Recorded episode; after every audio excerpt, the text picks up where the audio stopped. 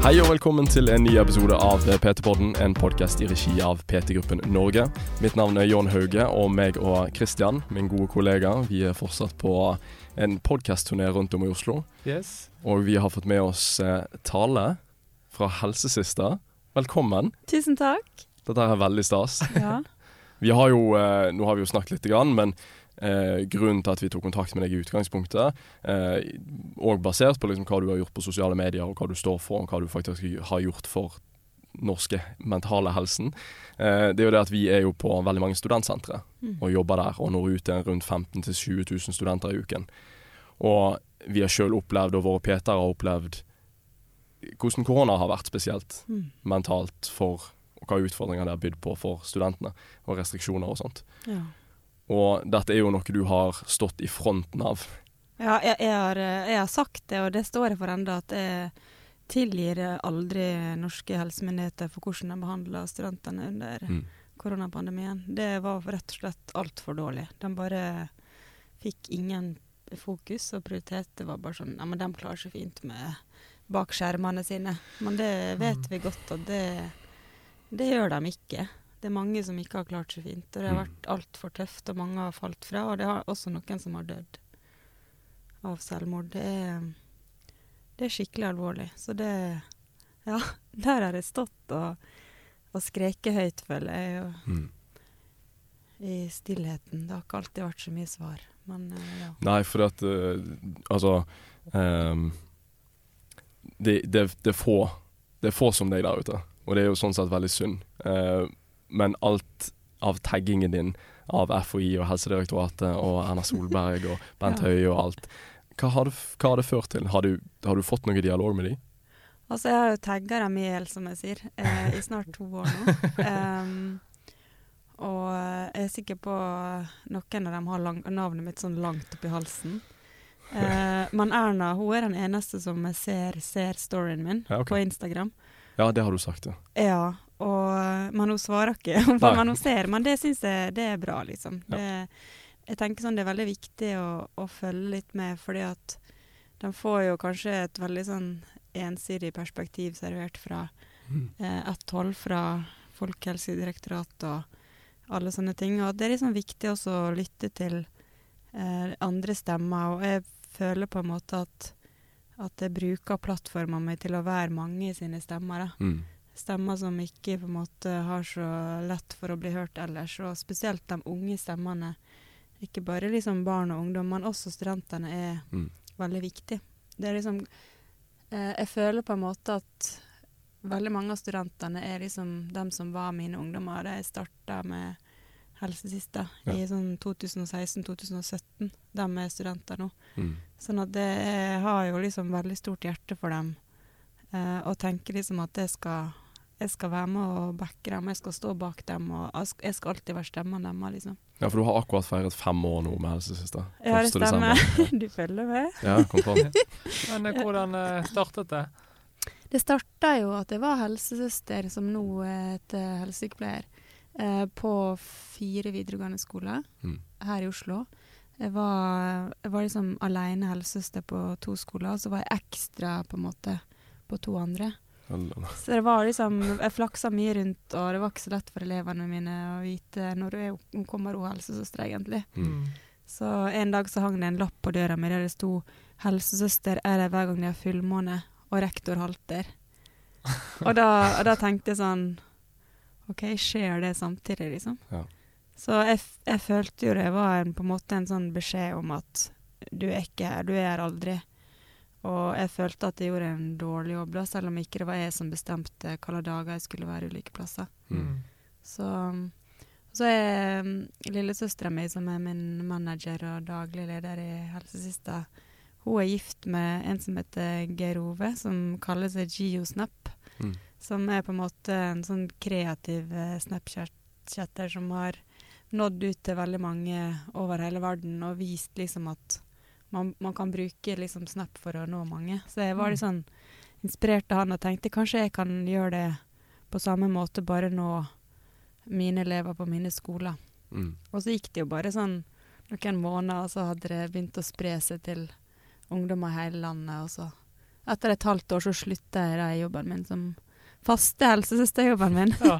i kommunen og bare tenkte sånn Nei, jeg må se hva, hva helsesøster jeg skal gjøre. Ja. Og bare dra på det eventyret, liksom. Mm. Mm. Det har gått ganske bra. Ja, det har gått veldig bra, men jeg har også jobba veldig hardt. Så som alenemamma til to barn og, eh, og sånn, så har det vært veldig liten plass til tale Mm. i alt det her. Det har vært eh, Jeg har vært mamma og, og helsesøster, eh, og det, så det har liksom Det har vært eh, krevende, selv om det har vært veldig meningsfullt og viktig. Mm. Så nå har jeg litt eh, mer fokus på, på tale, liksom, og ta meg tid til å drikke kaffe med en venn, eller Mm. eh, dra ut i skogen og pirke et bål, eller liksom litt sånne ting. For det eh, man, skal ikke, man, skal, eh, man skal ikke glemme seg sjøl altfor lenge. da. Nei, for det, jeg, eh, jeg tror vi merker, vi som har vært i, i yrker der du på en måte lever av å hjelpe andre, Ja. at uh, på et tidspunkt så faller du mest sannsynlig over grensen der du glemmer litt deg sjøl, Mm. og går altfor mye liksom inn i rollen. OK, hvor mange kan jeg hjelpe? Hvor mye kan jeg være der for dem? Og det krever jo det krever enormt mye. Sant? Og innsatsen du legger ned i, i både svar og, og dialog med de som sender deg melding, Mm. er jo eksepsjonelle. Altså Ja, og så tror jeg det er liksom Jeg hadde jo hatt eh, Jeg gikk jo gjennom ei, ei skilsmisse på en måte året før jeg starta helsevista. mm, Og så var jeg sykmeldt i et halvt år der jeg hadde måtte, på en måte ingen krefter. mm, Eh, og så på en måte var det akkurat som jeg var som en løk under jorda som bare blomstra opp eh, med liksom helt nye verdier. Hvem er det jeg vil være? Hva er det som er viktig for meg, egentlig? Og, skapt på en måte helsesiste i den energien der. Um, men så kan det jo jeg, jeg tror nok kanskje at jeg egentlig ikke hadde det så bra ennå sjøl. mm, Uh, for at det, sånn i ettertid så tror jeg nok jeg kan se at jeg har Jeg har jo valgt å sitte f.eks. hele fredagskveldene uh, og svart på meldinger. Og så når klokka bikker midnatt, så ser jeg oi, der, der står jo alle middagstallerkenene på bordet ennå. Det er ikke rydda av, liksom. Det, er bare gikk så inn i det. Og det, det var liksom Det er både engasjement, men jeg tror også det på en måte har vært litt sånn flukt fra min egen ensomhet, liksom. At Mm. istedenfor å kjenne på at jeg har det vondt, eller eh, Eller føler meg ensom, så, så er det mye lettere å jobbe, da. mm. At da kan jeg bare liksom gå inn i telefonen og jobbe og sitte der, og så er, blir jeg mindre ensom også fordi jeg snakker med, med ungdommer og, og på en måte får en sånn veldig følelse av å gjøre noe meningsfullt og viktig, Mm. eh, som, som hjalp, som på en måte trøsta meg litt, da, i hvordan jeg hadde det, tror jeg. Så, Men eh, vi må jo òg egentlig si eh, gratulerer med, med prosjektet som du nå er på vei til å fullføre med ny bok. Ja, nå kommer bok nummer to. Sånn at jeg, jeg tenkte liksom før helga, så tenkte jeg shit, nå, nå kan jeg jo kanskje kalle meg sånn forfatter på ekte. Ja, det tror jeg nå. det Det sånn, syns jeg. eh, det, altså det er ikke mange som har skrevet ei bok, men det er jo litt flere enn dem som har skrevet to, kanskje. Så, Mm. så det, ja, det er jeg skikkelig stolt over, og det er noe som jeg har, som jeg har jobba hardt med, spesielt eh, ja, siden før sommeren i Mm. i fjor, og som har har vært skikkelig krevende og tatt masse tid, og som har lagt og gnaga bak i hodet mitt hver gang jeg skulle prøve å slappe av. Sånn, Nei, nå burde du egentlig skrive bok. Eller hvis jeg bare sånn Ja, uansett hva jeg skulle gjøre, om jeg går en tur eller trene, Mm. så er det sånn Nei, nå burde du egentlig skrive, liksom. Hvordan er, er prosessen der, da? Eller har du sånn ghostwriter, eller skriver du sjøl? Nei, jeg skriver sjøl, så jeg på en måte um, Jeg, har- jeg har et, uh, ei overskrift. Um, Våg å lytte, eksempel. Sånn som uh, veldig mange fine folk sitter og gjør nå på den podkasten. Mm. Um, så det uh, Våg å lytte, det er ei overskrift i boka. Mm. Uh, og da og da er det bare at jeg sitter og bare og, og, og liksom bare la, Bare la orda komme ut fra hodet og hjertet og ut gjennom fingertuppene. Så det er jo um, Det er jo på en måte veldig mine Mye mine tanker, mine erfaringer. En del samtaler jeg har hatt på Snap, f.eks. Uh, det er noen sånne ekte eksperter, som jeg kaller det. Folk som på en måte har kjempa seg gjennom tøffe tider og våga å være som på en måte har eh, kanskje en historie som andre kan lære av, eller eh, Mm. ins- som kan inspirere på en eller annen måte. Mm. Som også på en måte får, eh, får ut stemmen sin i boka mi. Men eh, det er veldig lite sånn tall og statistikk og figurer og forskning, og det er på en måte Ja, det er fag, mine fagkunnskaper og erfaringer og livskunnskap og Men jeg vil jo si at det er det som gjør at du eh, lykkes så godt. Altså Det er det som gjør at du når ut til så mange. For at vi, vi er Når det kommer til, til psykologi, og når det kommer til hvordan vi føler oss sjøl, mm. så når jeg hadde det vondt, så ville ikke statistikk og, og formler og, og forskning på en måte hjulpe meg. Nei. Det hjalp meg at noen Og det er det jeg tenkte vi kunne snakke bitte litt om òg, for at meg og han har to litt forskjellige perspektiver på dette. For jeg har Altså, du, du sa på eller før en podkast som vi kjørte for, for et år siden, um, at hvis noen hadde kommet til meg og, og åpnet seg opp og sagt hvordan de hadde det, hvis de hadde det vondt, så vet ikke jeg helt hvordan jeg skulle reagert eller hjulpet. Sant? Mm. For du er veldig redd for å si feile ting. Mm. Mens da responderte jeg med å si at For han har gjort det med meg, Mm. bare uten å tenke over det. Men noen ganger så er det bare Jeg trengte ikke alltid at noen responderte med ting til meg. Jeg trengte bare at jeg for det første tørde å si det høyt, Ja. og sa det til noen andre. Ja. Og da var på en måte terskelen for å gå og spørre om hjelp, eller terskelen for at jeg begynte å jobbe med det sjøl, den var ikke der. Fordi jeg hadde sagt det høyt. Ja. Sant? Og jeg tror, det, jeg tror det er det de fleste som gjerne har frykt for å spørre går det bra med deg, Ja. når de alltid liksom er redd for å få den 'nei, du, det går faktisk ikke bra'. Ja. For de trenger ikke alltid liksom være en ekspert og ha noe de skal si tilbake igjen. Det er bare å være et medmenneske, og det syns jeg du reflekterer. Altså Nå har du mye kunnskap om òg, da, men du er veldig ufiltrert. Og du snakker mye basert som at du, du sitter og lytter. Ja. Og jeg tror det har en ofte like stor effekt som at de får konstruktive ting de skal jobbe med. Mm. Og det, jeg har faktisk skrevet litt om det i boka òg. Eller jeg- for jeg, sånn i forhold til selvmordstanker og sånn, for det er jo noe som kanskje folk er veldig redd for å høre om.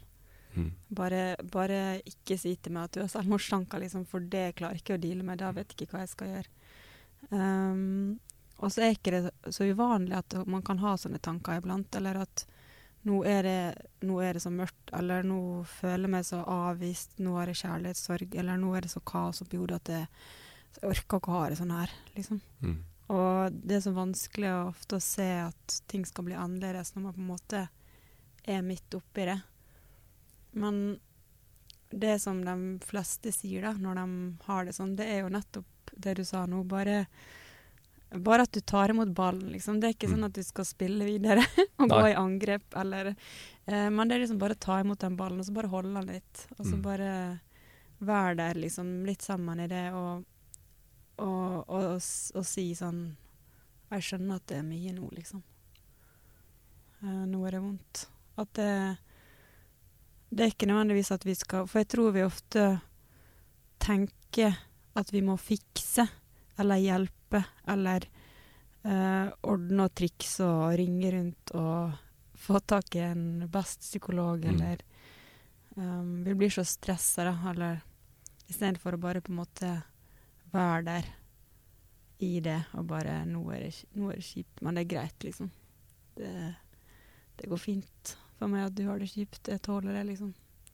Bare Jeg kan lage en kopp kakao, og så kan du ligge litt her på sofaen under pleddet, og så Mm. kan du bare ligge der og så slappe av litt. Det går fint. Jeg, jeg, jeg, jeg holder nesten på å begynne å grine, egentlig. Sånn, eh, men vi, vi spilte inn en podkast i går der jeg eh, egentlig var ærlig og sa at jeg sleit med det i veldig mange måneder, egentlig, Ja. med selvmordstanker. Eh, og eh, jeg sa òg i forrige podkast at det er ikke så veldig mange som vet, så det finner de iallfall ut av nå. Men eh, det er en ting som òg eh, Egentlig du isolert har, har fjernet den terskelen for at jeg skal være redd for å si det. For det var veldig mye skam for meg oppå det. Mm. Men jeg hadde, en, jeg hadde en forklaring på at jeg bare ville ikke Jeg ville ikke leve for andre. På en måte Jeg ville leve for meg sjøl, og jeg følte ikke at det var noe der for andre. Ja. Så Og jeg er veldig heldig og hadde folk rundt meg som Som om de hadde fasiten eller ikke, eller følte de hadde De var liksom bare der. Mm. Sant? Og sånn Ikke fysisk holdt rundt meg, men bare ga meg rom for å Ja, Ja, slappe så- av, da. Liksom, jeg liksom eh, sånne Jeg husker jeg hadde skikkelig skikkelig kjærlighetssorg for noen år siden. Da hadde jeg en venninne som, som bare sendte sånne meldinger der det sto sånn Plutselig fikk jeg en melding, og så sto det sånn 'Jeg tenker på det. Mm. Jeg er glad i det. Det er ikke aleine'. Ja, det betyr Eh, så bare enormt sånn 'Det er kaffe på kanna, kom Ja. hvis du vil'. Det var sånn Åh, det er bare, bare liksom det å kjenne at noen tenker på det. For når, når man har det så vondt, da er det sånn Det kan være vondt å puste liksom Puste inn, og så kan det være vondt å puste ut. Mm. At for hver, hvert pust så får man liksom vondt i brystet. At liksom den eh, Det setter seg på en måte i kroppen, da. Uh, oi, nå ble jeg litt det sånn, Nå gikk lyset av her i studio, og gikk det på. Nå, nå er det sånn, nå er det noen her som Ja. skal snakke med oss. Det er Nå, det er sånn uh, åndenes makt. Ja, faktisk. Men det er Hva var det jeg snakka om? Det her var viktig. Nei, da. Ja, det gikk så dypt nå at uh, mørket kom. Ja. Ja, men, uh, eh, men det er jo liksom Sånn at da kan jo det med å, å, å liksom bevege på kroppen, da. Gå en tur, eller liksom et eller annet. Mm. Eh, det kan jo også løse opp litt i den eh, I den smerten, i, den, i de tankene som på en måte setter seg sånn i kroppen og, Mm. og gjør det så vondt. For hva, hva betyr trening og bevegelse for deg?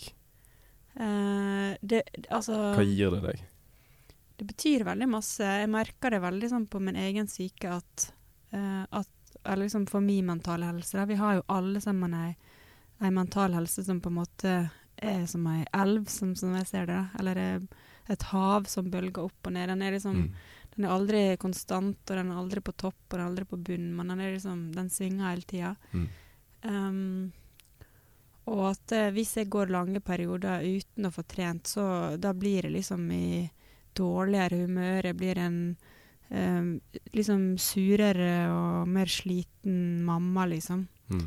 Eh, ja, ja, det er liksom mindre overskudd og uh, glede, da. At disse her nå, stoffene som frigjøres når, når vi trener, de, de gjør meg liksom godt. De Mm. gjør meg glad.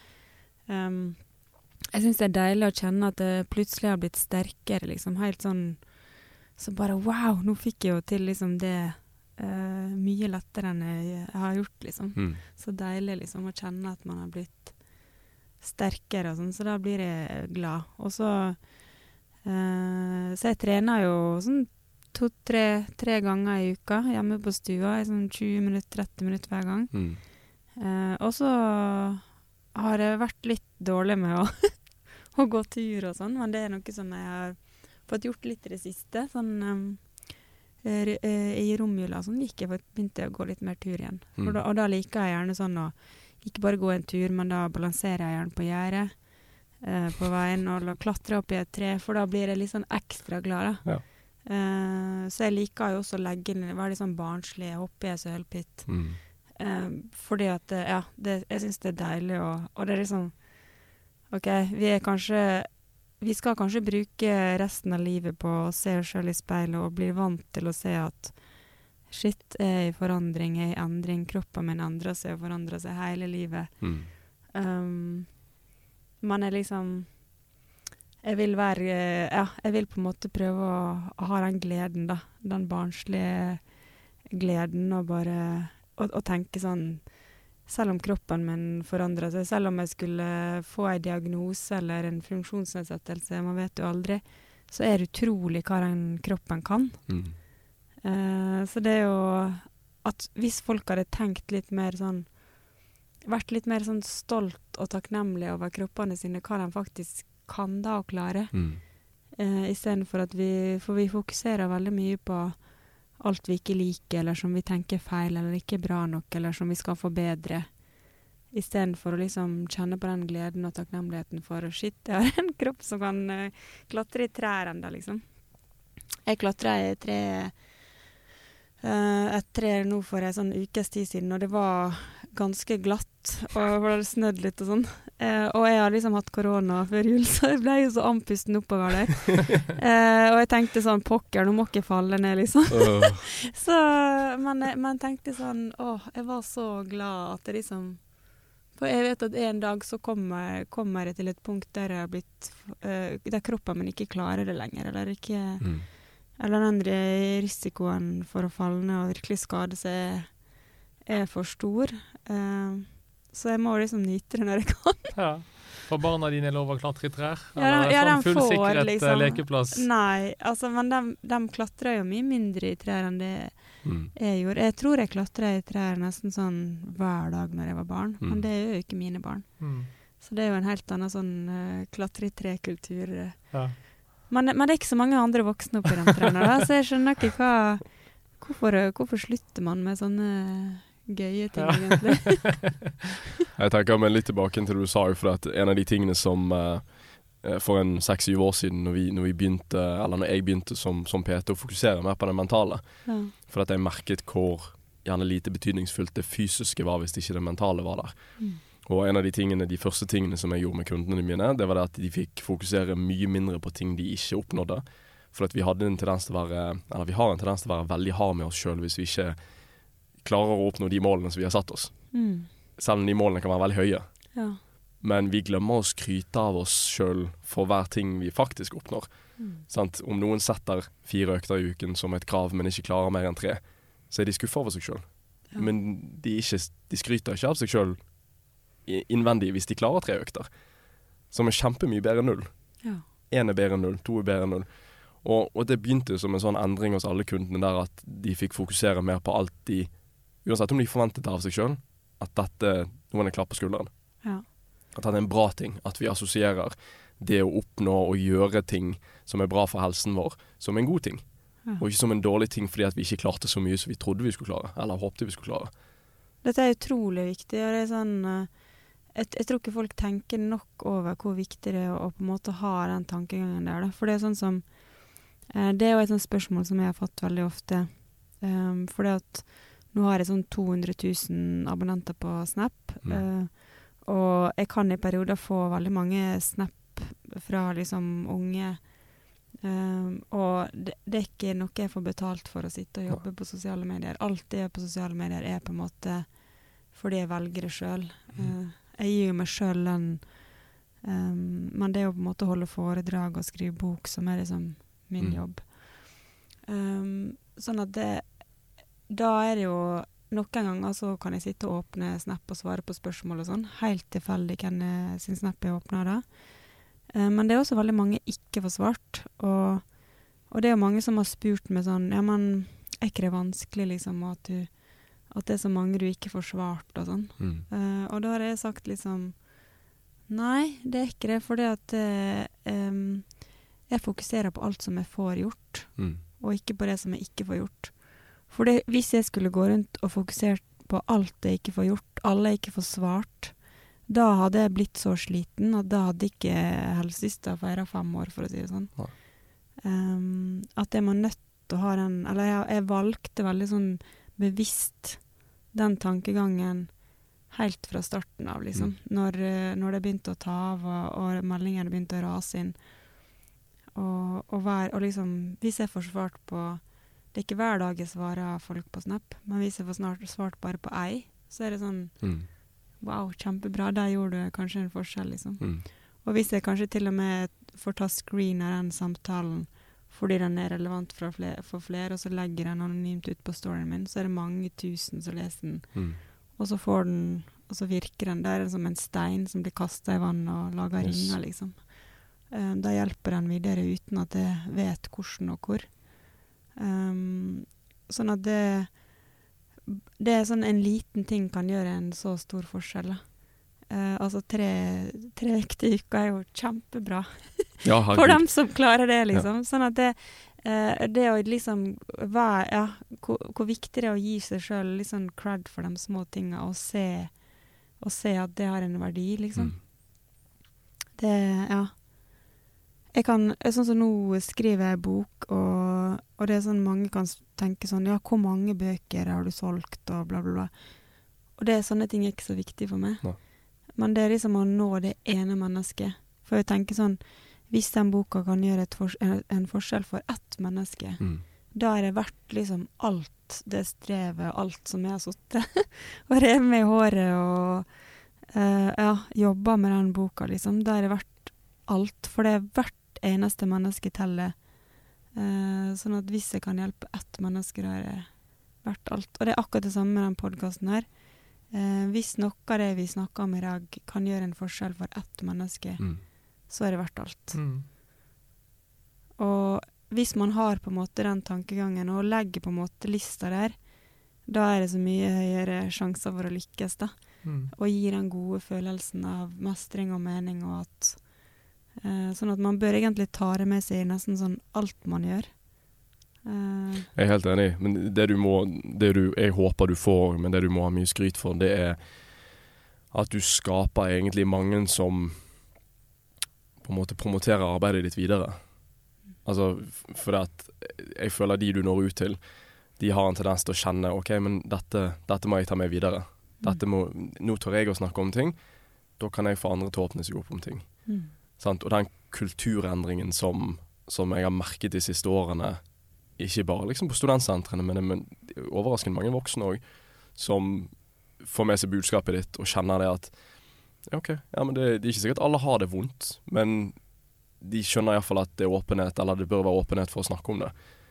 Og at vi klarer å ta tak i ting før det havner der, at gjerne der som jeg var. Mm. Sant? At, men at vi er der som Der du har en dårlig periode og kjenner litt ned for at du kan innse det og, og plukke deg opp, uh, Ja. og at det ikke havner lenger ned. Uh, Og det er jo liksom Jeg tror liksom det er så viktig å si at vi alle har det jo sånn av og til. mm, Uh, det skjer ting i livet til oss alle sammen som er helt uforutsett. Som bare Det er som ei baseballkølle som knuser oss over knærne og slår oss rett i bakken. Det kan komme liksom Det kan komme over tid, men det kan komme også veldig plutselig at det skjer ting som Ja, at vi mister noen, f.eks. At vi blir kasta inn i en sorg på en eller annen måte. eh, som gjør at vi får det vondt. Um, og sånn tror jeg det er for all, absolutt alle mennesker. mm, Eh, og det liksom det å forstå det, og liksom å vite at det er normalt, og eh, at det ikke trenger å være slutten, liksom, men at det er kanskje noe man Jeg bruker å se på det som en sånn storm ute på havet, for det jeg har kjøpt meg seilbåter. Um, og driver og seiler alene ute på det store havet i indre Oslofjord. det er mye gullkorn som kommer ut av den videoen din. Det er nydelig. Det elsker jeg og der, eh, og der um, Og der er liksom Disse stormene i livet, de kan være liksom skikkelig tøffe. Men de kan også på en måte lære oss veldig mye, da, hvis vi er Mm, villige til å på en måte se på det på den måten, i hvert fall sånn i ettertid.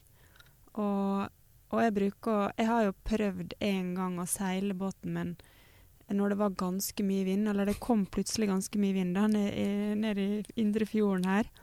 Og da ble det ganske mye bølger, og jeg hadde ikke øh, med meg liksom matpakke oppi på dekket der jeg satt. Og plutselig Båten den lå liksom sånn øh, Jeg seilte på kryss nedover fjorden, og båten lå liksom sånn Altså seila var nesten nede i vannet, for den lå sånn på skrå. Og så alt inni båten min ble bare kasta hulter til bulter rundt. Altså det så Det knuste sånn peanøttsmør utover. og det var liksom sånn Det var fullstendig kaos. Og jeg holdt på nedover i flere timer, og så måtte jeg tisse. Jeg, hadde, jeg kunne ikke gå på do. Jeg har en liten do i Mm. båten min, liksom. Men da måtte jeg bare rive opp en sånn luke ut på dekk og ta ei bøtte og tisse i fart og kaste over bord. Ja. Skikkelig kaos, bare, altså. Ja, det var skikkelig kaos. Og jeg brukte, og så prøvde jeg å få ned seila sånn, men det var kjempevanskelig. Brukte to timer på å få ned seila og komme med liksom i sånn nødhavn og sove på en sånn brygge litt sånn nede på Nesodden. Så det var ikke, jeg var ikke så langt hjemmefra, men det var altså så mye bølger og vind som var Det kan blåse ganske mye. Så, så for sånn erfaren seiler så hadde det kanskje ikke vært så ille. Nei. Men for meg som er helt nybegynner og eh, bare har hatt båt et år, liksom, eh, og bare gått et helgekurs med seil, seiling før jeg kjøpte den båten, så var det ganske ekstremt. Og, og så tenker jeg sånn, hvis jeg hadde hatt et mannskap, da, hvis jeg hadde hatt noen som kunne holde roret når jeg skulle prøve å få ned seila, eller holde på med taua, eller at jeg kunne ha gått ned og sikra liksom ting nede så ikke alt hadde knust og valta rundt- rundt. Og kanskje smurt med noe mat så jeg kunne spist, og jeg kunne gått på doen. Altså, for da så hadde det vært noen andre der til å på en måte holde alle de andre tinga. Eh, da er det jo mye lettere, sant. Da kan vi seile til, eh, til Danmark, til og med. Ja. Men, eh, men alene er det veldig vanskelig. Og sånn er det litt også med liksom stormene eh, som man har inni seg sjøl. At man må velge på en måte et mannskap, da. Hvem er det som er hvem er det som er mannskapet mitt når jeg har det vondt? At man gjerne bygger det mannskapet eh, i gode perioder. At det, jo, jeg har en kompis som, det, som jeg digger å dra og trene med, og så har jeg noen som jeg tar en kaffe med, og så er det noen som er kjekk og bare sender en melding til. og så Mm. at man har, at ulike folk har liksom ulike funksjoner. At det er liksom fint. Man har en fin relasjon på ulike måter, og, og sånne ting er på en måte det samme som å holde tau eller eh, lage ei brødskive eller Mm. At det man har liksom Man har noen ting da som gjør at man kommer seg gjennom den stormen sammen med mannskapet sitt. At noen er fine. og Man trenger ikke å legge brette ut sjela si på statusen på Facebook, eller snakke med alle om alle detaljene, liksom. Mm. Men kanskje har du én venn eller en person, en psykolog, som er fin å prate med, og så Eh, og så har, man, eh, så har du kanskje han som er gøy å stikke og trene med, og så Mm. har du en som du vil sykle med i helga, eller ja. Mm. Så man har Tror du en personlig trener kan ha en, kan ha en rolle her? Altså, jeg ser helt klart at en personlig trener kan ha en rolle som et mannskap. Mm. Um, for det at um, man får både liksom beveget kroppen, som er veldig viktig, som, um, som er bra for, uh, for Det er veldig bra for hodet å bevege kroppen og få frigjort alle disse her eh, stoffene og uh, Ja. Det er viktig. Det, og det er liksom det roer nervesystemet og gjør, liksom det stimulerer på en måte hele kroppen fysisk også. Men Mm. påvirker også veldig sånn tankene våre, hvordan vi har det inni oss sjøl. men jeg tror også en PT Jeg vet ikke hvor, Det er sikkert forskjellige måter å PT på, men kanskje man småprater litt. Mm. Eh, kanskje får man en slags relasjon. Eh, man kan jo vise seg sjøl ganske sårbar i treningssammenheng, fordi man tar ut kanskje alt og Mm. bare ligger der som et En sånn noe død fisk på land. eh, sånn at man er jo på en måte ganske sårbar eh, sånn i kroppen sin og fysisk når man trener. Eh, og da også på en måte å Da tror jeg det er også veldig lett å kunne plumpe ut med et eller annet om hvordan man har det i tankene og følelsene sine. Mm. Um, og at selv om en PT kanskje ikke er en psykolog, så bare det å være der og småprate litt rundt det, og, og at det liksom Det er ikke du som skal fikse det eller uh, ha noe ansvar, men bare det å kunne snakke litt sammen, eller uh, Mm. Eller liksom kunne si 'ja, men så godt at du Så fint at du kom hit i dag', eller 'så bra at du liksom kommer og trener når du har det sånn vondt', for det, det er en ting som vi vet kan, kan hjelpe, liksom. Eller Mm. det å ha en fast ting å komme til, eller eh, ei rutine. Det er lett for at man gjerne isolerer seg når man er inne i en sånn fase. Mm. Og kanskje da en sånn fast eh, treningsøkt er noe som òg trekker deg litt ut av eh, huset. da. Ja, altså da har man også noe å se frem til. Da vet du at på tirsdag klokka 11, da skal jeg, da skal jeg trene, liksom. Og da, selv om det kan virke langt til neste tirsdag, så er det likevel noen ting å se frem til. Mm. Eh, og som kan dra det litt ut, og så kan virke som en eh, Det kan virke veldig tungt å komme seg på den treninga, men man vet at etterpå er det godt, liksom. Ja. Det som, det som egentlig eh, går litt igjen, eller som eh, kan på likhet med, med tilbakemeldingene du får, Mm. Uh, jeg, Jeg har sett hundrevis på tusenvis av tilbakemeldinger som PT har fått av sine kunder, både offentlig og privat. Og det er veldig, veldig veldig sjeldent at fagkunnskapen er det som blir dratt opp i den største sammenheng. Mm. Det er ofte eh, relasjonen og vennskapet Ja. mellom PT og kunde. Mm. Eh, hvordan de følelsesmessig har liksom blitt styrt gjennom kundeforholdet. Ja. Eh, og hvordan, hva de har lært i sånn ellers i livet. Mm. Fagkunnskapen må alltid være der, og det er alltid en, en del av det. Men minori altså, minoriteten av tilfellene er der at det kun handler om fag. Mm. Det handler stort sett Ja, om da er det jo liksom liksom empati. trygghet, at man skal trene riktig for ikke å pådra seg skader og sånn. Men det er ikke det som blir dratt frem, sikkert. At det, Nei, man skal det- ha den som er verst på at ikke får vondt i korsryggen. Det er jo gjerne liksom uh, litt hva slags kjemi man har, Mm. at man føler seg sett. At man, uh, at man kjenner litt at man blir backa, og den eh, Du har jo eh, får den mestringsfølelsen. Ja. Hva gode egenskaper er det hun har? Uh, ja, jeg, jeg trener med ei som er uh, tidligere sykepleierkollega Mm. fra da jeg jobba som sykepleier. Så hun har på en måte blitt uh, personlig trener og starta et firma som heter Tren for livet. Mm. Monica Gulbrandsen heter hun. Um, og jeg har trent med henne nå siden ja, kanskje 2015. Da gikk jeg på sånn bootcamp utemora. Mm. Ja. Eh, da bodde jeg i Oslo. Da hadde jeg ikke trent siden jeg var student. Jeg var, hadde født to barn, og jeg var eh, Jeg hadde liksom Jeg tror ikke jeg hadde magemuskler. Eh, og jeg trente med sånne supertrente folk eh, i et sånt eh, veldig sånn aktivt område av Oslo. Og alle hadde sånn lue, husker jeg, med sånn norsk flagg på. Og jeg, jeg kalte dem bare sånne landslagsfolka. så kom jeg redd vaske. Men, eh, men det som er fint med sånne type bootcamp-trening eller gruppetreninger, er at man alle gir jo liksom alt. Mm. Eh, og så skulle ikke vi ut og løpe langt i skogen, for da hadde jo jeg Mm. da hadde jeg ikke sett dem, liksom. Da hadde jeg vært aleine. Men vi holdt liksom på på samme stedet, og da gjorde det ingenting at det var så mye dårligere form. Eh, men det kom jo fort at jeg ble i bedre form, og så flytta jeg ut av uh, Oslo. Jeg bodde en liten periode i Nittedal, som er liksom rett utafor Oslo. Mm. Og da ble det litt langt å dra på disse bootcampene, så da begynte jeg på sånn, med sånn online-trening. Mm. Som har blitt kanskje litt mer sånn poppis etter korona. mm. Men da, så jeg har trent uh, på sånn eh, on eh, Facebook, luk, lukka Facebook-gruppe med henne i ja, siden uh, 2017, kanskje.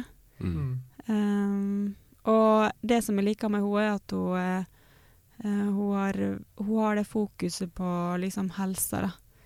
Eh, at man skal være sterk og glad og liksom trene for livet. At man på en måte skal ha en ha det bra i sin egen kropp. Det er liksom det som er fokuset. Det er ikke noe sånn Hun pusher ikke noe sånn kroppspress eller fokus, sånn som jeg Nei. ser det. Og, og hun er liksom Hun har disse livesendingene hjemme på stua si gjerne, eller ute på verandaen, og det er veldig sånn uperfekt. Plutselig så går mannen forbi, eller så sager naboen ned et tre i bakgrunnen. Eller så, eller så begynner det å regne, og så må hun springe ut og redde sofaputene, liksom. Så, sånn at, sånne ting liker jeg, da. At det er Altså, hun er jo bare utrolig blid og søt og har liksom eh, så god energi, så så jeg elsker på en måte Jeg har liksom vært tydelig på å liksom gi tilbakemeldinger på hver gang det skjer et eller annet sånn Hun bare 'Nei!' Så sier jeg 'Det der var perfekt'. Ja. Kjempebra. Nå vil jeg fortsette å trene, liksom. Ja. For det, nå gikk alt gærent. Ja. Eller sånn. Ja. At hun er Så det, jeg liker liksom det menneskelige, personlige, det uperfekte. Mm. Uh, den energien og gleden. Uh, og hennes ja, engasjement og liksom for å skape samhold i en sånn online-gruppe av damer som er spredd rundt i hele landet. Ja. Men det er, jo litt, det er jo litt akkurat den følelsen du forklarte nå òg før podkasten, liksom, hvordan Ja. dette var med å få eh, kudos og tilbakemeldinger og, og bra jobber og heia. sant? Mm. Eh, men det er jo det som går igjen hos altså majoriteten av de vi ser som går på treningssentre.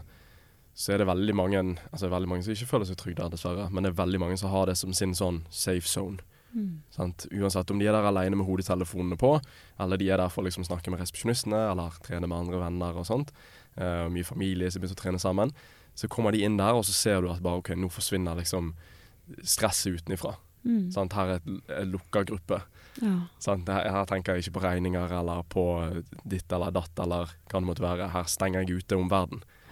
Og det var det som var skummelt òg når, når det ble tatt vekk. ja. Spesielt fra studentene. Eh, og fra spesielt voksne, egentlig. For at det, utenom jobb så er det jo ikke så veldig mange møteplasser for voksne. nødvendigvis. Nei. Så vi så det at det var Når vi snakket med folk når sentrene åpnet igjen, så var det det å se andre mennesker i øynene, Mm. snakke med dem, det var, liksom, det, var, det var det de gleder seg mest til. Komme seg i form, det er alltid ferskvare. Men dette her med å være rundt mennesker, det, det gjør ganske mye for, for mange av oss. Mm. Så det er sånn du merker òg Ja, et sånt uh, omdømmeproblem, da. Det har vi sett i undersøkelser at de som trener på treningssenter, og de som trener med PT, de sier at de gjør det pga. de ønsker bedre helse og bedre fysisk form. Mm. Men de som ikke trener, som ser det utenifra, de tenker at de som går der, de er bare opptatt av utseende, vil ha fitnesskropper, Mm. vil ha sixpack. Det er veldig sånn fortsatt litt sånn stigmatisering da, Ja. uh, av bransjen. Ja, det, det er jo ganske sånn Det kan være ganske vanskelig å motivere seg sjøl til å trene sånn helt på egen hånd. Mm. Mm. Eh, hvis du ikke har noen som på en måte pusher litt, eller drar litt, eller eh, Sånn at det er jo en, en veldig sånn god måte å kunne Ja, bli liksom dratt, dratt med, da. Mm. Eh, og at det liksom du får tilpasse deg veldig til at det ligger liksom akkurat på ditt nivå, eller sånn litt sånn at du må strekke deg litt grann mer enn du egentlig orker. Uh, men at du klarer det når du blir pusha litt. Mm. Eh, og at man også kanskje har muligheten til å ha liksom det helhetlige fokuset med at man både også kan få hjelp til eh, kosthold eller ernæring hvis man, hvis man trenger det, eller Mm. eh, og ha noen å sånn småprate litt med, Ja, da, som er veldig godt for hodet. Ja. Um, for jeg sliter i hvert fall veldig med sånn og Hvis jeg bare skal gå ut og jogge, eller Ja. drive og hoppe i trapper sånn på egen hånd, det, altså, da gjør ikke det. Nei. Eh, mens når Monica liksom bare 'Kom igjen, Telle, nå, nå, må du, nå må du henge med her, liksom. Nå må du følge på. Og nå, nå går vi inn i en ny challenge, liksom. Er du med? Er du klar?' Mm. Ja. Så bare Ja. At du liksom blir dratt litt mer, da. At Ja. du er en del av liksom et lite fellesskap, eller Ja, det er så mye lettere å, å trene, da. Ja. At det, Undersøkelser viser også at uh, den beste effekten av å ha personlig trener, da, det er at du har kontinuitet i treningen over tid. mm, Mm, du faller ikke, faller ikke ut av treningen. Mm. Men hva, hva tror du vi som på en måte aktører og vi som PT-er og oss i treningsbransjen kan gjøre bedre? Hva kan vi forbedre oss på? Hva bør vi fokusere på i tiden fremover? For vi, vi har lyst til å, å endre denne bransjen, og inkluderingen av mer fokus på, på psykisk helse er liksom det som har vært definitivt størst mangel på. Ja. Jeg tror, det, jeg tror den biten er veldig viktig.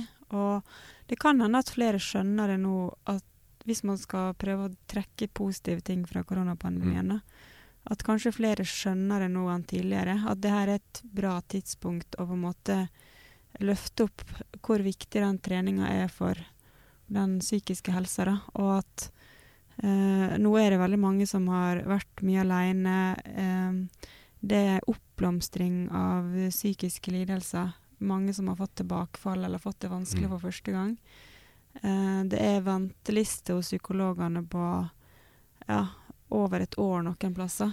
Ma mange måneder. Eh, sånn at det er, det er veldig mange som, som trenger noe, som sliter med et eller annet. Og, og det å liksom kunne få bevege på kroppen og eh, på en måte småprate litt. At Mm. for noen vil det, vil det gjøre at de ikke trenger å gå til psykolog. For det er ikke alle som har en psykisk lidelse eller diagnose. Det er bare at man har det skikkelig vanskelig akkurat nå. Mm. Eh, så det å på en måte løfte frem helheten, hva, eh, hva dere gjør At det ikke at liksom det, at det handler også kanskje like vel så mye om den mentale helsen. Mm. Eh, om ikke mest, nesten. Mm. Um, så, så tror jeg det er veldig viktig, og veldig fint hvis dere gjør det. Mm. Um, ja. Det var også noe jeg tenkte på sånn i forhold til eh, eh, studentene som har uh, jeg kom ikke på. Jeg glemte. Det var noe vi snakka om i sted som er Altså, det er jo eh, Altså, det, det har jo vært For hver pressekonferanse det har vært, så har det vært litt sånn spenning rundt Skal de si noe om trening. psykisk helse? Ja. Eller trening for den saks skyld, men òg liksom bare hva tiltak har vi for ta vare på den psykiske helsen oppi dette her. Og etter hver pressekonferanse så har vi blitt skuffet. ja. Det har ikke vært noe. Nei, det har vært utrolig stille. Og, de, og jeg skjønner ikke at de på en måte ikke ser den helheten, eller ikke har tatt mer tak i det, eller at de ikke har satt inn tiltak for hvert tiltak de hadde mot korona, så burde det vært et tiltak for den psykiske helsa. Mm. Um, så det er, jo, det er jo veldig mange som har kjent på den der nå, eh, hvor tungt det har vært. Og, og hvert fall sånn Jeg gjorde det sjøl. For, for min del så Når alt ble stengt i 2020, så har jeg to barn som da kom hjem og skulle ha hjemmeskole. Mm. Um, som jeg ble veldig aleine med. Samtidig så eksploderte det på telefonen min med meldinger fra liksom, unge i hele landet. Liksom, 'Hva er det som skjer nå?' og 'hjemmeskole', og 'herregud'. Og det var så massivt. Mm. Eh, og alle jobbene mine, foredragsjobbene mine, ble avlyst eller utsatt. Eh, så da ble jeg skikkelig deprimert. Og jeg syns det var så tungt. Og det aller, aller verste det var å være sånn alenemamma, hjemmeskolelærer. Det var det tøffeste. og og da, da var den der noe treninga så viktig for meg, da. Det er noe Tre ganger i uka så var det livesending med trening, og det var sånn Jeg så så utrolig frem til det. Mm. Det var så viktig, og det var liksom noe av det som holdt meg liksom Ja, det var den lille tingen som holdt seg stabil, da. Det var liksom Alt annet var helt forandra, altså. Men den treninga henne til hun Monica var liksom Den var som før. Det var så godt, da. Uh, og jeg kjente hvor viktig det var for hodet mitt, liksom. Og, uh, så da hadde jeg den treninga, og så gikk jeg liksom småturer. Klatra ganske mye trær på den tida der. Uh, for det var sånn Ja, det var, det var bare sånn noe jeg måtte gjøre. Um, Så er sånn personlig treklatrer, du. Ja. Så, sånn at det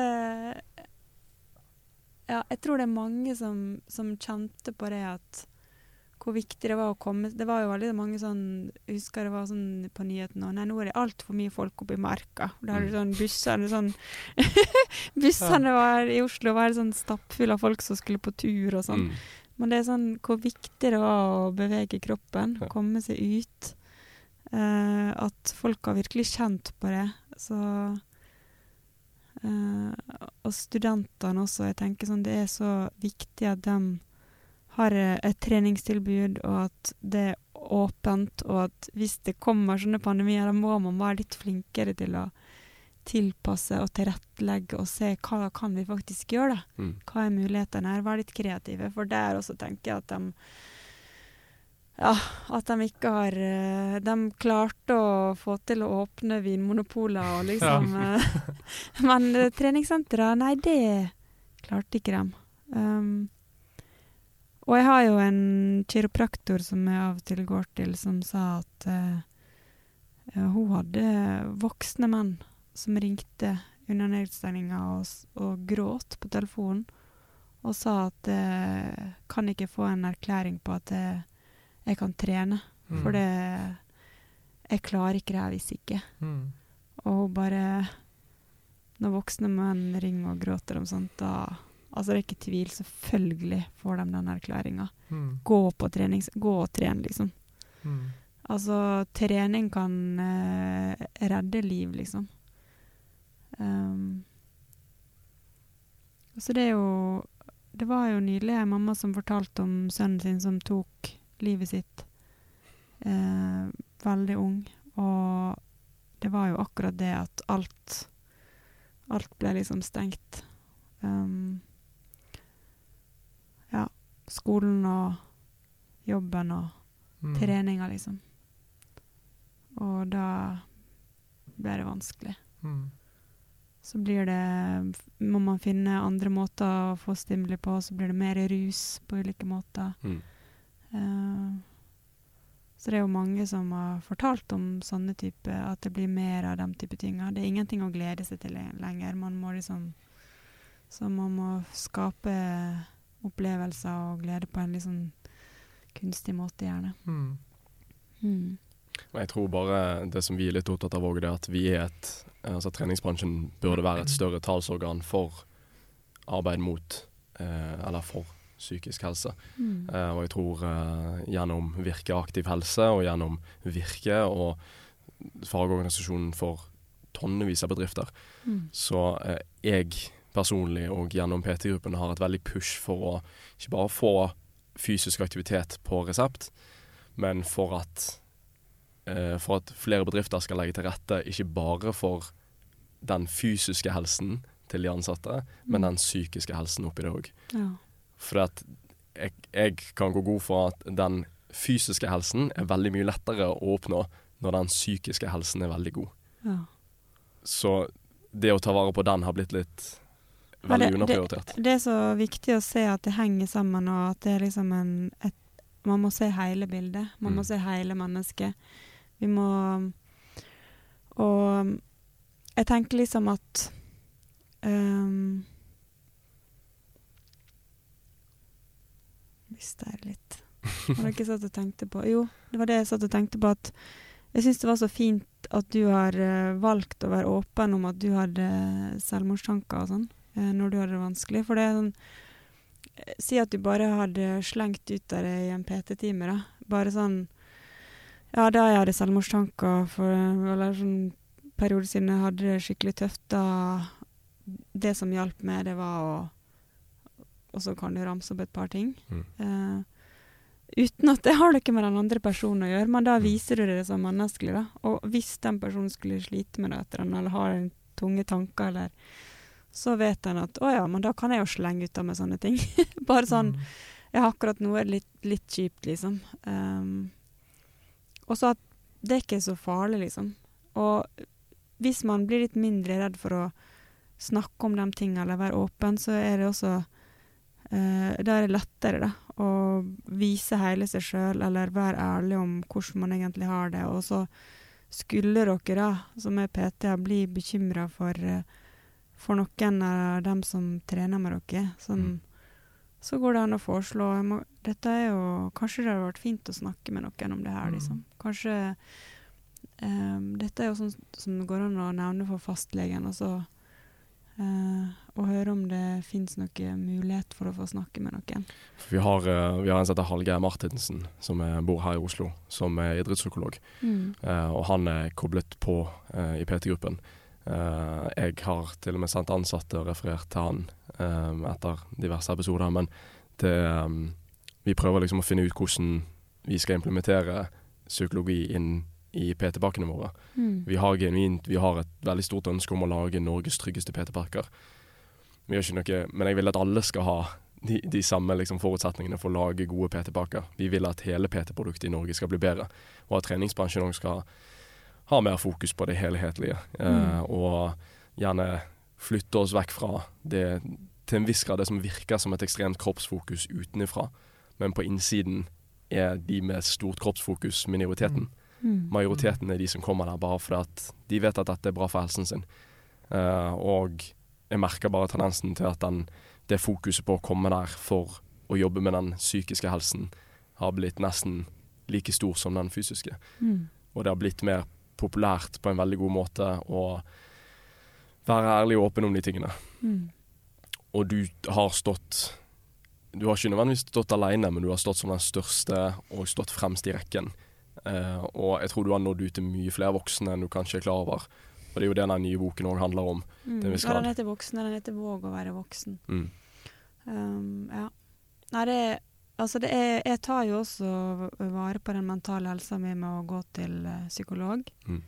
Så om eh, det er bare sånn snart en halvtime nå, så skal jeg til psykologen min. Ja, jeg fikk fikk beskjed om det. og, det, og det er liksom Det er noe som jeg gjorde på en måte ikke fordi at jeg hadde det kjipt, Mm. Men at jeg hadde stor suksess med helsesøster. Mm. Um, og ble hausa opp og fikk mange priser. Og, um, og ble på en måte et navn og et ansikt som mange visste hvem var. Mm. Og det påvirka på en måte meg og hele livet mitt og alle relasjonene som jeg har i mitt liv. Uh, sånn at det var jo en grunn til at jeg liksom begynte å gå til psykolog Mm. og tenke sånn um, Ja, det her er liksom Det er mye på en gang. Eh, det å være aleine med to barn, det å snakke med så mange, det å snakke med mange som har det skikkelig vanskelig. Mm. Um, det å liksom bare takle hverdagen i alt, liksom. Mm. Uh, så, så da tenkte jeg sånn, jeg må in investere i det. Så jeg ser jo jeg ser jo på det litt som sånn mental trening, da. Å gå til psykologen min. Uh, at ja, jeg kan gå til Monica og, og, å, trene vekt- eller kroppsvektøvelser på stuegulvet mitt. Mm. Eh, og så går jeg til psykologen min for på en måte å sortere og rydde litt i hodet og, eh, Og noen Altså, den, nå har jeg gått til henne i eh, to og et halvt år eller noe sånt. Og noen period, av de periodene så har jeg jo også hatt det skikkelig tøft. Mm. Så jeg har jo sittet der og grenet og kjent at eh, herregud, så glad jeg er for at jeg kunne komme hit Mm. i dag, liksom. Um, Det fungerer ofte òg som prehabilitering, og ikke alltid liksom rehabilitering. Nei, sånn, ja, sånn at det er på en måte også litt sånn forebyggende. Det, å, det er på en måte å ta ansvar for seg sjøl som voksen, er og liksom også ta Ikke bare gå disse turene eller ta disse situpsene, men det er også på en måte å eh, Å kanskje våge å, å ta tak i ting som er vanskelig eller Mm. sårt, eller prøve å se etter mønster, eller tenke er det, er det ting jeg kan gjøre annerledes for å liksom Eh, sånn at jeg kan bli bedre for meg sjøl, eller for dem, og for dem som jeg har rundt meg, eller i jobben min. Og, eller bare tillate meg sjøl å være akkurat sånn som jeg er, og ikke hele tida skulle jage og, og være så perfekt eller best, eller liksom hele tida bli bedre. For det noen ganger må vi bare også tenke at det, det er akkurat nå vi lever, her og nå. Mm. Eh, hva er viktig akkurat nå? Hva kan jeg gjøre for å lage en god dag i dag? Mm. Eh, klappe meg sjøl litt på skuldra for et eller annet man har oppnådd, Ja. istedenfor å bare sitte og piske seg sjøl eh, fordi man ikke klarte. Mm. Eh, og straffe seg Vi driver jo og straffer oss sjøl også veldig mye eh, i tankene, og også med handlingene våre, Mm. når ikke vi klarer ting som vi hadde tenkt. Eh, sånn at det er jo liksom å jobbe med hele seg Man må jo jobbe med seg sjøl hele tida, og det eh, Jeg syns det er veldig spennende å leve, og spennende å bli eldre, fordi at vi blir så klokere hele tida. Vi lærer nye ting. Mm. Eh, Vi finner ut hva som er viktig for oss. Eh, akkurat nå så har jeg veldig mye fokus på hva er det som gjør meg glad. Mm. Hva er det som gjør deg glad? Hva som gjør meg glad? Ja. Eh, nei, jeg har egentlig funnet ut eh, at trening gjør meg veldig glad, da. Ja. Men det å være med venner og være Å ha hobbyer, da. Så har jeg egentlig funnet ut òg at eh, det å ha en base, da, med at eh, valg av jobb og valg av livspartner, da, er jo to veldig viktige ting i livet. Ja. Fordi at du skal være ganske mange timer på jobb om dagen, og hvis det er kjipt, så er det ikke så lett. Og hvis du da kommer hjem og har det kjipt i tillegg, så tror jeg det blir nesten umulig, da. Ja. Så jeg har jo eh, lest en del om at de to viktigste valgene du tar, det er egentlig de to. Ja. Og er det en stabil base, så blir de andre tingene òg kanskje litt lettere, da. Mm. Og for meg så har jo treningen òg vært en tredje ting, da. Jeg har jo òg drevet eh, med toppidrett i friidrett. Og da har jeg på en måte hatt tre baser. Og at hvis jeg gjør det bra på én av de, så går det som oftest greit. Mm. Det, går det bra på to eller tre, så går det veldig bra. Ja. Mm. Og så når det går skikkelig dårlig på en av dem, så påvirker også det de andre. Ja, Ja. men da er ikke det så tungt, for dette har jeg positive ting på de andre. ja, du har noen sånne fristed. Ja, sant? Så Mm. på friidrett, når du har jobbet knallhardt for å nå målet dine i flere år, og så kommer det en skade som gjør at du får ikke konkurrert, da. Så når du er inne i den boblen, så er det utrolig kjipt. Mm. Men hvis du da har det kjekt på jobb, og har det kjekt hjemme, så hjelper det veldig for å håndtere den situasjonen. Mm. Og jeg tror jo òg at hvis du da eksempel har det kjipt hjemme, men har det kjekt på jobb og kjekt på trening, så er det lettere å takle den situasjonen hjemme, da. Mm. Så sånn har jeg iallfall fordelt det litt. Ja. Ja. Hva er det som gjør det, gjør det happy momentet? Eh, jeg liker å ha et eller annet å jobbe mot, og være en del av et eller annet større. Og kunne ha en innvirkningskraft på noen, og gjøre en endring. For jeg, altså Som Peter også, så har jeg jo hatt hundrevis av kunder som liksom har fått lov til å være med og forandre livet til, men jeg har liksom lyst til å skalere det opp òg. Ja. For jeg har ikke jeg har ikke skam mer på en måte over ting jeg har gått gjennom, eller jeg har ikke frykt for å snakke om det, eller, eh, eller den frykten blir i hvert fall brutt ned ganske fort nå. Um, så jeg føler liksom òg at nå har vi fått ganske mange lyttere via podkasten, og vi har fått en del følgere på sosiale medier og litt sånne ting, og de tallene betyr så lite, men de tilbakemeldingene betyr så enormt mye. Mm. Så litt der, litt sånn som du sier, hvis du kan påvirke én, så er alt slitet verdt det. Mm. Uh, så for min del så jeg lever veldig på, på om jeg klarer å gjøre en endring. Og Men hvis har- du ikke er på jobb, da? Si at du bare har en søndag og skal gjøre deg sjøl glad. Uh, Jeg, ikke, jeg, nå, jeg liker veldig godt å tilbringe tid med kjæresten min, uh, men det som òg alltid har drevet meg, det er å gjøre ting som jeg ikke er god på. Så jeg har en tendens til å liksom prøve å lære meg nye ting, eller prøve, prøve å utfordre meg. Mm. Jeg liker ikke å være stuck i liksom det samme hjulet. Uh, jeg liker å kunne ha flere arenaer å spille på. Så det å prøve noe nytt, og så kanskje få det til litt Ja, jeg bare jeg, jeg har ikke noe problem med å være dårligst i rommet. Ja. For det, vanligvis er forbedret, altså, det går veldig fort opp i starten. ja. Uh, så, um, så det er stort sett det også Jeg vet ikke, jeg, jeg, ikke Jeg har litt sånn ADHD. Så Hva du har du lyst til å lære deg nå, da? Eh, nå har jeg jo nettopp begynt med maratonløping, så det, er ja. så, det er det jeg liksom er kommet inn i nå. Ja. Eh, og så er det jo litt sånn, jeg vet ikke, med podcasting og litt sånn et mer offentlig ansikt. Altså, jeg, jeg føler liksom den eh, Vi snakket om det så vidt i går, men jeg, jeg prøver å skryte av meg sjøl mer òg, Mm. for ting jeg klarer å oppnå. For jeg har en tendens til å nedspille mine oppnåelser ganske mye, Mm. og får regelmessig kjeft om at nå må du ta tak og skjerpe deg litt. Ja, det sa uh, hun Tuva, uh, som er søstera manageren min, hun sa det til meg før helga. For det er jeg offentliggjorde at jeg hadde skrevet bo, eller Mm. skrevet bok, så sa jeg sånn «Ja, Nå har jeg prøvd å skrive ei bok, det her. Og jeg, ble, jeg var, syntes det var så skummelt å si det høyt, og tenkte bare oh my god. Og så bare tale om du skjerper deg. Du har faktisk skrevet ei bok. Mm. Nå må du vise at du er litt stolt, og du Ja. må være litt stoltere. For det har du klart, liksom. Og da tenkte sånn Shit, hun har rett. Og så bare neste dag så bare blomstrer det sånn Mm. glad og stolt følelse inni meg, Ja. som var liksom Ja, som ikke jeg har kjent på lenge. Og men, men det er liksom litt det fokuset mitt som er for det, for det året her, er å på en måte gjøre eh, gjør ting som gjør meg glad. Mm. For det, den koronapandemien den har tatt fra oss så mye glede. Mm. Og, og jeg får meldinger fra ungdommer eller unge mennesker som sier at jeg husker ikke hva som gjør meg glad, eller jeg husker ikke hva som brukte å gjøre meg glad. Uh, og det syns jeg er nesten sånn Mm. skummelt. Mm. Det er ganske mange òg som eh, mangler en lidenskap Ja. eller en hobby. At de har liksom ikke en sånn stor ting Fordi som man ikke har fått lov til å drive med de tingene man elsker. Og så er det mange som har det er mange som har mista liksom piffen eller gløden eller slutta eller ehm, Ting man hadde sett frem til og gleda seg til, ble ikke allikevel. Mm. Det ble avlyst, liksom.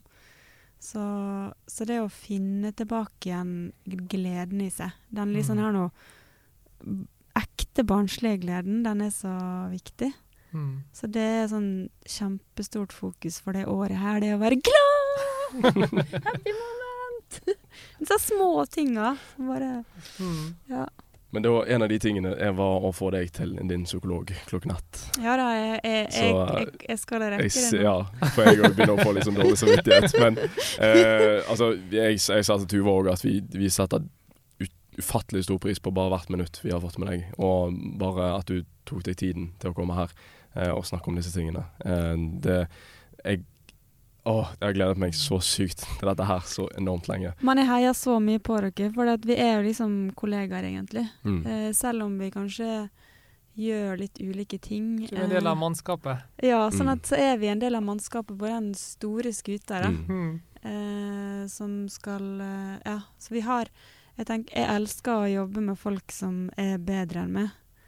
Eh, for vi har liksom helt ulike egenskaper og kvaliteter å bidra med. Og så når vi jobber sammen, så blir det så utrolig mye bedre. Mm. Da klarer vi så mye mer. Um, sånn at det, dere er jo på en måte på den uh, mentale helseskuta. Mm. Ja. Eh, men, men det er så viktig da, for hele befolkninga vår å, å ha på en måte At vi er et sånt godt lag. Mm. At vi er der uh, At de skal kjenne at det er shit, vi er, det er jo noen her. Det er jo, jeg har jo en PT jeg kan eh, prate med, til og med. Så, Mm. så gøy! Det her var jo Og så tenker ikke man over det engang. Mm. Eh, men at, det, at man skaper god helse, da. Bare ved å være og virke sammen og løfte hverandre opp og Mm. Ja. Så jeg heier så mye på dere alle sammen, og dere som hører på.